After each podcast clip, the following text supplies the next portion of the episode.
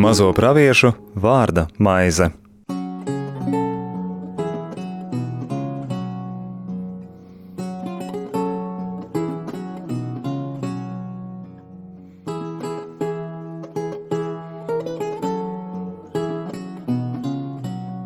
Slavēts Jēzus Kristus. Mūžīgi mūžos slavēts.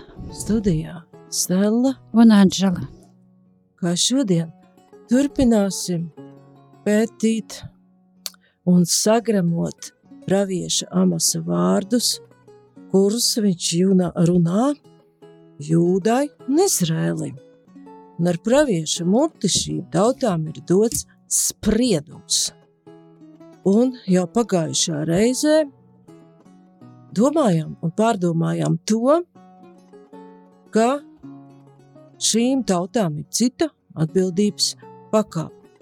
Jā, tās pagānu tautas, par kurām bija runāts pirmajā nodaļā un arī otrajā sākumā, ir atbildīgas pēc Noasa derības likumiem, tad Jūda un Izrēlis ir atbildīgi kunga priekšā saskaņā ar to īpašo derību, kuru Dievs ar viņiem ir noslēdzis. Un mēs nedaudz pieskārāmies arī tam, kā to varētu saskatīt mūsdienās, kāpēc arī šobrīd baznīcā notiek tādas nesaprotamas lietas, jo salīdzinot ar šo pagātni, kad dzīvoja Amos un sludināja izradzētajai tautai, un vēlāk lasot, mēs redzēsim, ka viņi pat zina prom, tu, tu nesludini, ej tu prom, pravieto kaut kur citur un maizi ēd. Septīto nodaļu lasot, mēs arī mēģināsim to saprast, kāpēc. Var teikt, ka arī mūsdienās uz visu sekulāro pasauli šādi vai tādi, viņi to grib vai negrib, attiecas nosa derība viņi tomēr ir visi šie cilvēki iekļauti šajā kunga derībā, dzīvo šajā pēc nāsa lūdu pasaulē un ir par darītajām lietām atbildīgi savas sirdsapziņas priekšā un tiks tiesāti pēc sirdsapziņas. Bet baznīcai tomēr ar kungu ir īpašas attiecības kā Kristus miesai. Un Kristus ir tas stūrakmens, kas satur baznīcu kopā.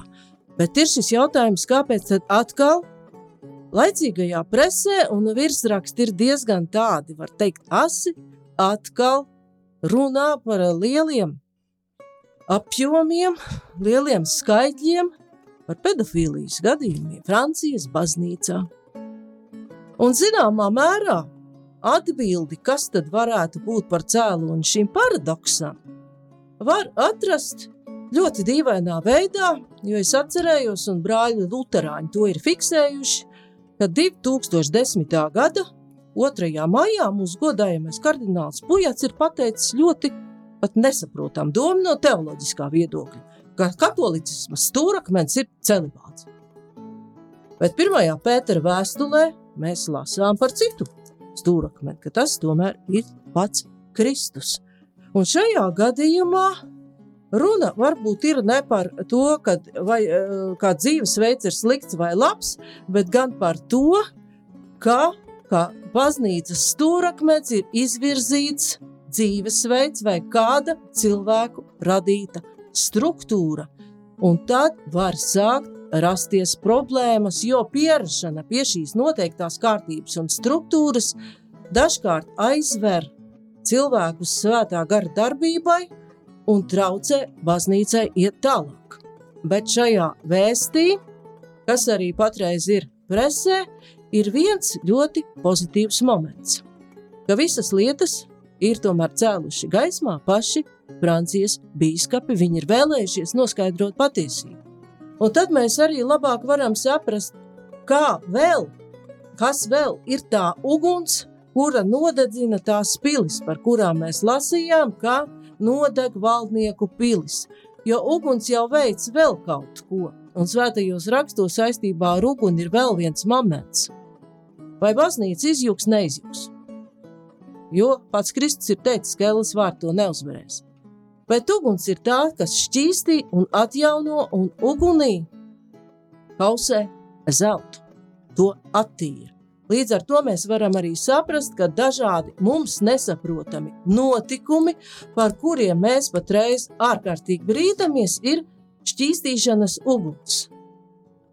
Un savu devu šīs uguns arī saņem pāvests Francisks, kurš grib virzīties atpakaļ pie svēto rakstu saknēm, pie tiem principiem un kārtības, kāda bija pirmajās draudzēs un par ko mēs daudz un plaši varam lasīt Pāvila vēstulēs arī evaņģēlijus.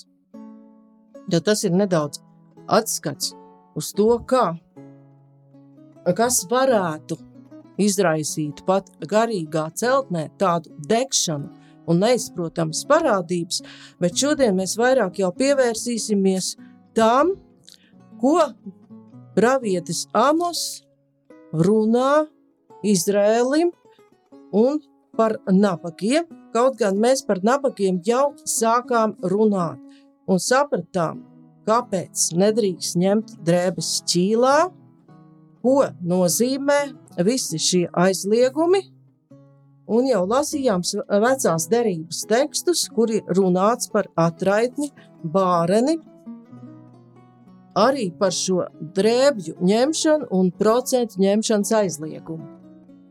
Tātad, ko mēs varam vēl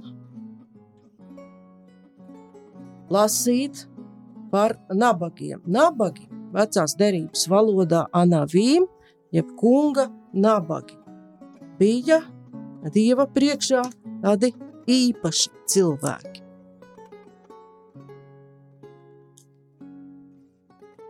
Un ko saka pravietis Amos?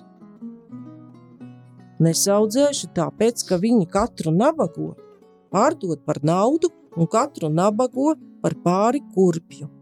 Viņi iemin nabago galvas pīšķos un vājos nostumī no ceļa. Šoreiz vairāk tieši tam pievērsīsimies, kā varētu saprast katru taisno pārdot par naudu un katru nabago par pāri kurpju. Kā tas varētu būt saprasts? Kā tu domā? Tas ir domāts tā, ka šo cilvēku varēja pazemot, pat visu pēdējo viņam atņemt par ļoti, ļoti niecīgu parādu. Tā kā pat visniecīgākais iegūms, ko var ieraut, tam bagātniekam ir šķitis svarīgāk par kunga likumu, kas aicina neņemt nabagā drēbes, īpaši atraitnes drēbes ķīlā un neplēst no tuvākā procentus.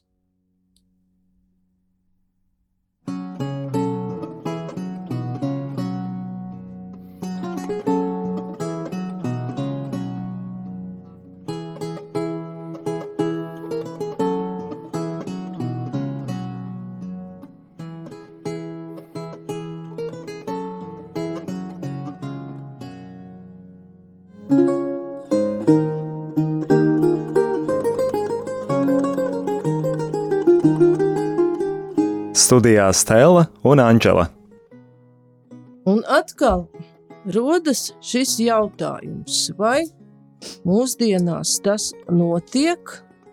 Un jāsaka, ka notiek gan un pat valstu likumdošanas līmenī, un rodas jautājums, ko tad tur īsti var darīt, jo izrādās, ka visa Rietumvalstu ekonomika ir balstīta tiešām uz šiem procentiem. Bankas darbojas tikai un vienīgi uz procentu principu pamata.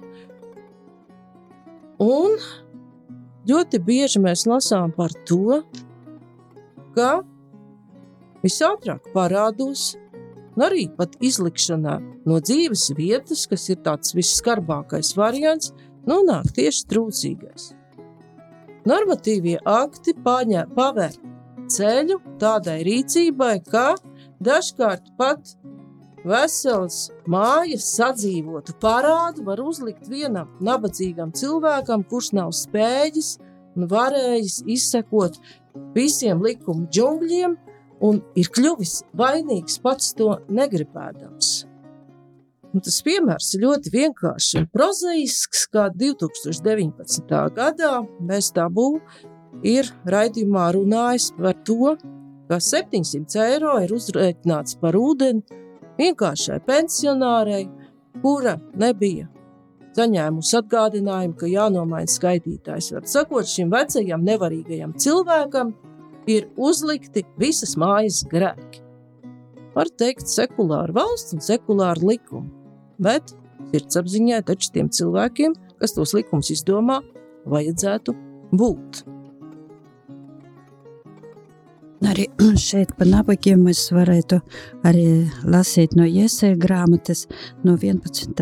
nodaļas, no 1. 4. panta.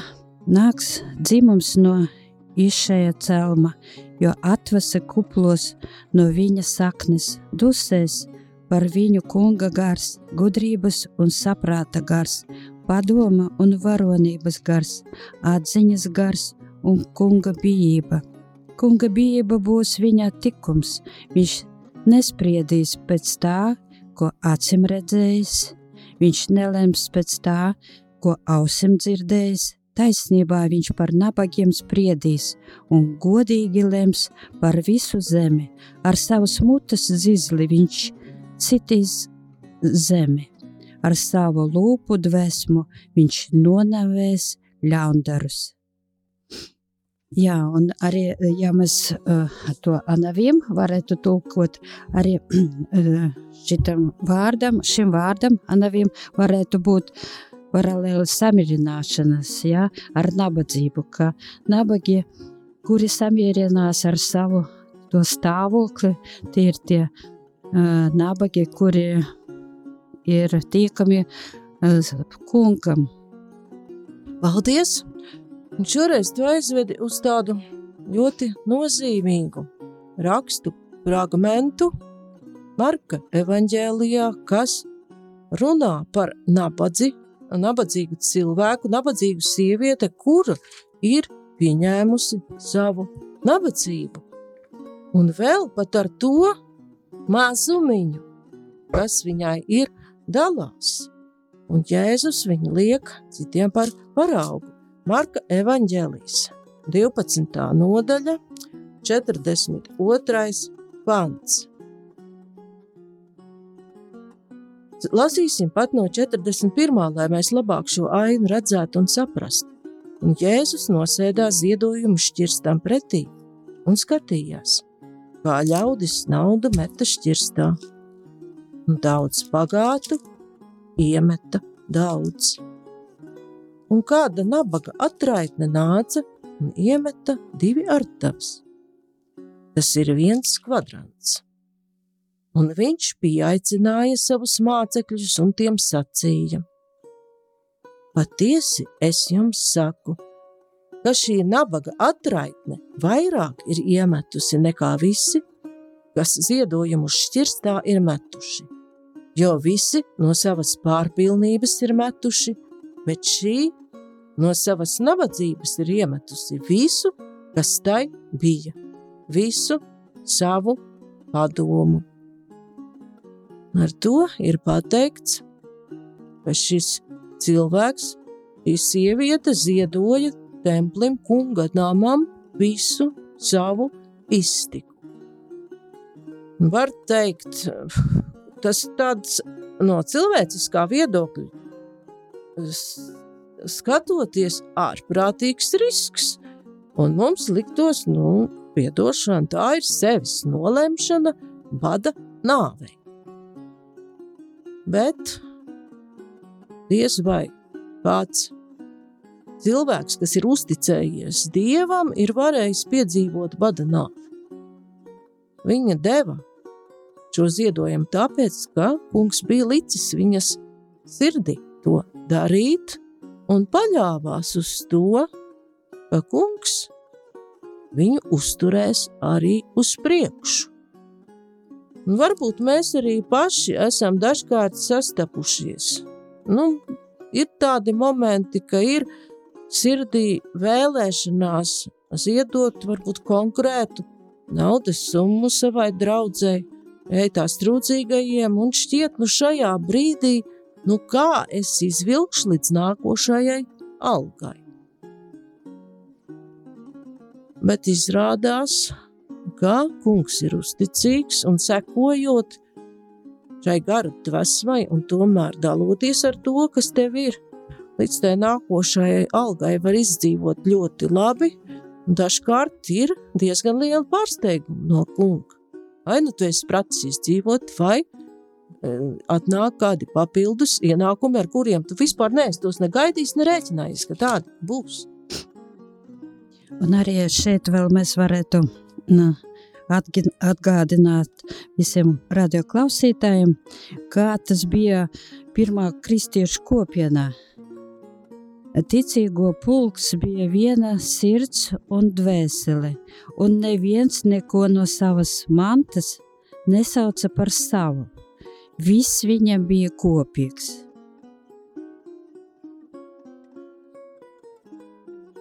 Paldies! Un varētu teikt, bez maz komunisms. Un rodas jautājums, kāpēc tomēr no tā komunisma nekas neiznāca.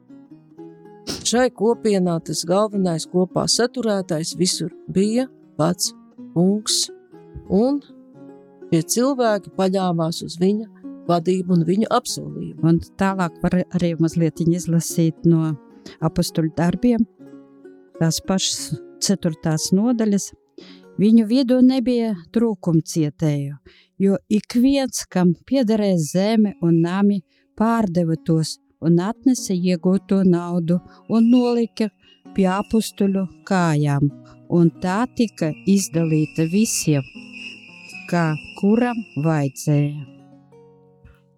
Tiesa.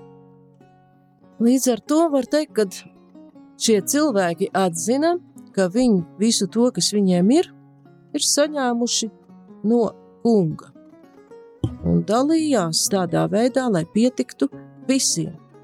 Nu, šodien vai šāds modelis būs iespējams, diez vai kaut vai visa lielā valsts valsts aparāta dēļ, kā nu mēs visus uzskaitīsim un kā ar visiem ienākumu un citiem nodokļiem tiksim galā bet šis aicinājums satur kaut ko ļoti būtisku. Dalīties ar to, kas tev ir, redzēt to, kuram ir nepieciešams, kurš dzīvo tev līdzās. Nu, labi, ja mēs neesam tik radikāli pagaidām, tad mēs varam izlasīt no Jāņa pirmās vēstules, trešās nodaļas Dievu vārdu. Ja kādam šajā pasaulē ir pārticība, un viņš redz savu brāli trūkumā un noslēdz tam savu sirdi, kā lai viņā paliek dieva mīlestība? Bērniņi, nemīlēs, nemīlēsim ar vārdiem un ar mēli, bet ar darbiem un patiesību. Paldies! Vēl varam ieskatīties, ko raksta. Kā? Jā. Pustulis Pāvils, otrā vēstulē korintiešiem. Varbūt, ka te to nodaļu, ziedošanas, ā, devītā nodaļa, un es esmu ierakstījis kaut ko citu, ziedošanas svētība. Otrā korintiešiem. Devītā nodaļa. Un tur ir kāda būtiska lieta, jo ja atgriežamies pie tā ziedojuma lādes templī, nu, tam bagātajam ir jāparāda, ka viņš ir nabaks un var, nu, kad viņš tam nabagam var ziedot, ka viņš ir tik varens un bagāts, bet Pāvils aicina vēl uz kaut ko ļoti būtisku, kas arī ir tās svētības priekšnoteikums, lai tu tiktu svētīts. Jo var jau ziedot arī, lai sevi labi parādītu un patiesībā darīt to ar visai gariem zobiem. Un Pāvils no tādiem gariem zobiem brīdina. Bet to es saku, tā ir otrā korintiešiem, 9. nodaļa, no 6. panta. Kas sīksti sēž, tas arī sīksti pļaus, un kas sēž uz svētību, tas arī pļaus uz svētību. Ik viens lai dara, kā tas savā sirdī apņēmies, nesmagu sirdi vai piespiests, jo priecīgu devēju Dievs mīl. Dievs var jums bagātīgi dot visādu žēlastību, ka jums ar vienu ir pilnīga iztikšana un vēl pietiekoši paliek pāri labiem darbiem. Tā kā ir rakstīts, viņš ir izbēris un nabagiem devis, viņa taisnība paliek mūžīgi, bet kas dod zēklu sējējiem un maizi ēdējiem, tas arī dos un vairos jūsu sēju un liks pieaugt jūsu taisnības saukļiem. Tad jūs būsiet bagāti visās lietās, katram labam darbam, un tā mēs panāksim, ka Dievam tiks dota pateicība. Tātad pat šis palīdzības darbs trūcīgajiem ir kā pateicība Dievam, ka tev ir tik daudz, ka tu vari pats iztikt un dot līdz cilvēkam.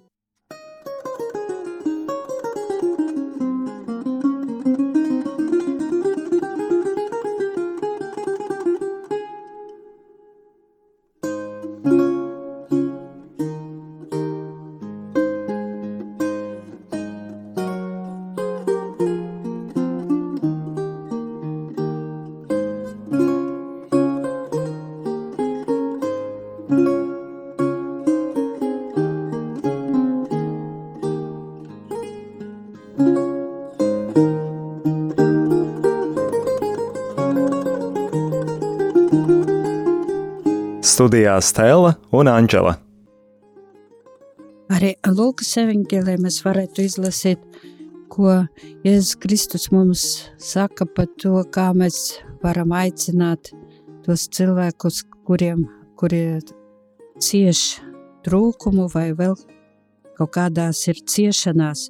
Viņš sacīja arī tam, kas viņu bija aicinājis, kad tu rīko pusdienas vai vakariņas – Neaicini nec savus draugus, nec brāļus, nec radus, nec bagātus kaimiņus, kā arī viņi tevi neaicinātu un nenotiktu savstarpēja atlīdzināšana, bet kā tu rīko mīlestību, aicini nabagus, tīzlus, kropļus, aklus, un tu būsi laimīgs, jo viņiem nav ar ko tev atlīdzināt. Tev tiks atlīdzināts pie taisno augšām celšanās. Paldies! Arī kad dalīties, tas, nu, kā mēs varam būt viesmīlīgi un da, arī dalīties ar to, kas mums ir.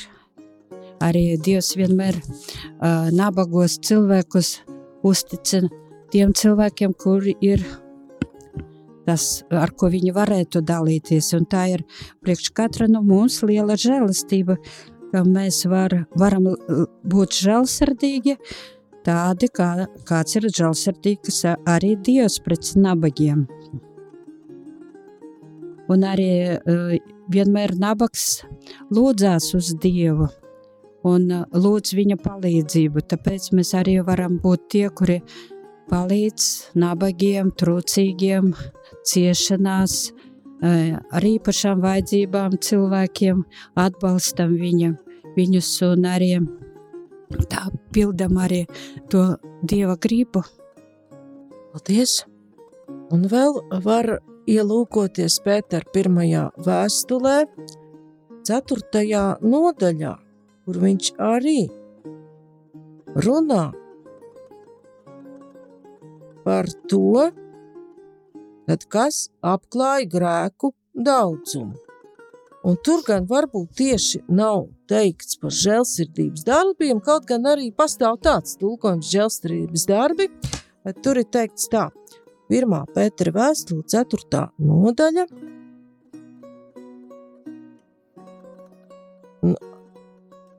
8. pants, 9. jo daļai jau Anžela tam pieskārās par visām lietām lai jums būtu sirsnīga mīlestība citam pret citu, jo mīlestība atklāja grēku daudzumu. Esiet viesmīlīgi cits pret citu bez kurnēšanas. Kāds, kādu katrs dāvana saņēmis, ar to kalpojiet cit citam, kā labi dažāda veida dieva žēlastības namturi. Un šī Pētera vēstule, ja paskatās grieķu tulkojumu, teikt atver ceļu dieva žēlastībai arī tādiem, kas dievam īpaši netic pat nereliģiskiem cilvēkiem, bet kuri savas sirdsapziņas skubināti palīdz tuvākajam. Karš viņu sirdsapziņa to liek, jo viņš nevar skatīties, ka tas viņa līdzcilvēks ir izsalcis badā vai kaut kā cieši. Jo šeit ir mīlestība apklāja grēku daudzumu, skatoties, kāds grieķu vārds ir lietots, mēs ar to varam arī saprast, ka tie ir žēlsirdības darbi, jo tur ir lietots vārds agapē. Tad tas ir šī visaptverošā mīlestība pret otru cilvēku, kas visvairāk jau līdzinās Dieva mīlestībai. Un uz to ir spējīgs arī, kā mums patīk, nepatīk, sirdsapziņas mudināts ir spējīgs arī neticīgs cilvēks. Un pilnīgi iespējams, ka pats neapzinoties, ko viņš dara, viņš caur šiem zēlsirdības darbiem agrāk vai vēlāk var nonākt arī pie Dieva un viņa atzīšanas. Nu jā, un šeit nevar neizlasīt arī no Kalnas prediķa, jā, Kalna runu, redzēdams ļaužu pūli no, piektas, no, no piektās nodaļas. Redzēdams ļaužu pūli, Jēzus uzkāpa kalnā un apsēdās, un viņa mācekļi sapulcējās ap viņu, un viņš sāka tos mācīt, sacīdams: Laimīgi garā nabagie, jo viņam pieder debesu valstība, laimīgi abēdinātie, jo viņus mierinās, laimīgi lēnprātīgi, jo viņi mantos zemi, laimīgi izsalkušie, un izslāpušie pēc taisnības, jo Dievs viņam papilnam to dos laimīgi, žēlsirdīgi, jo Dievs būs viņiem žēlsirdīgs. Laimīgi sirdsšķīstie, jo viņa Dievu redzēs, un laimīgi miera nesēji, jo viņi tiks saukti par Dieva bērniem. Paldies! Tā tālāk. Un arī šeit jau kuro reizi, iespējams, es atgādinu, ka laimīgs tas ir makarijos, svētlaimīgs pat tiešāk var tulkot. Tas eh, garā nabagais nav domāts ne traks, ne prātā nepilnīgs vai neizglītots. Bet ar to ir saprast, un šajās Jēzus svētībās saprot, saprotams, ka tas ir cilvēks, kas ir gatavs visu saņemt no Dieva un atzīst to, ka lai cik viņš ir izglītots, cik bagāts, vai varens. Viņš to visu ir saņēmis no Dieva, tas nepieder viņam. Un tādā gadījumā, ja arī kas tiek zaudēts, mainās apstākļi, nav tās lielās ciešanas, kad es no savu sarausto mantu un savas saraustās lietas esmu zaudējis.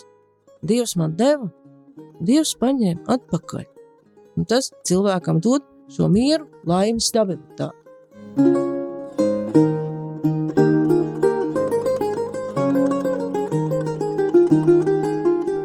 Studijā Stela un Anģela.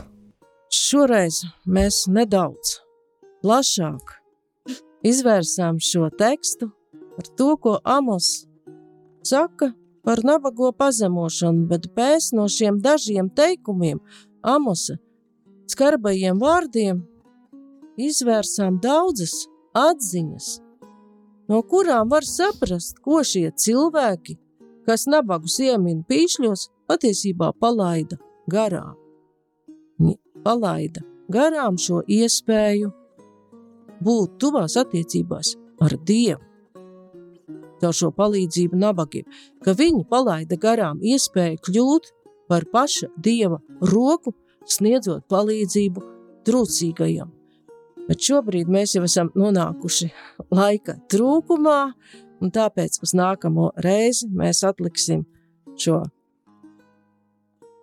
rakstu fragmenta pētīšanu tālākiem, tālākiem pantiem, kur Dievs atgādina, kā viņš ar varaniem darbiem iznīcinājis naidīgas ciltis, lai ievestu tautu iz, apsolītajā zemē, kā arī lasīsim par šo dieva pārmetumu un brīdinājumu, ka šie turīgie un bagātie, arī dzīvotāji, ir mēģinājuši, pat, pat ieļaunojuši un ieveduši pārkāpumos cilvēkus, kas ir aicināti par praviešiem un nazīriešiem, un mēģināsim saprast, kas šie cilvēki ir un kā šādi ieļaunojumi var notikt.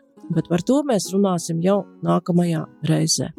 Šoreiz paldies par uzmanību. Studijā bija Stela un Anģela. Izskanēja raidījums Mazo praviešu vārda maize.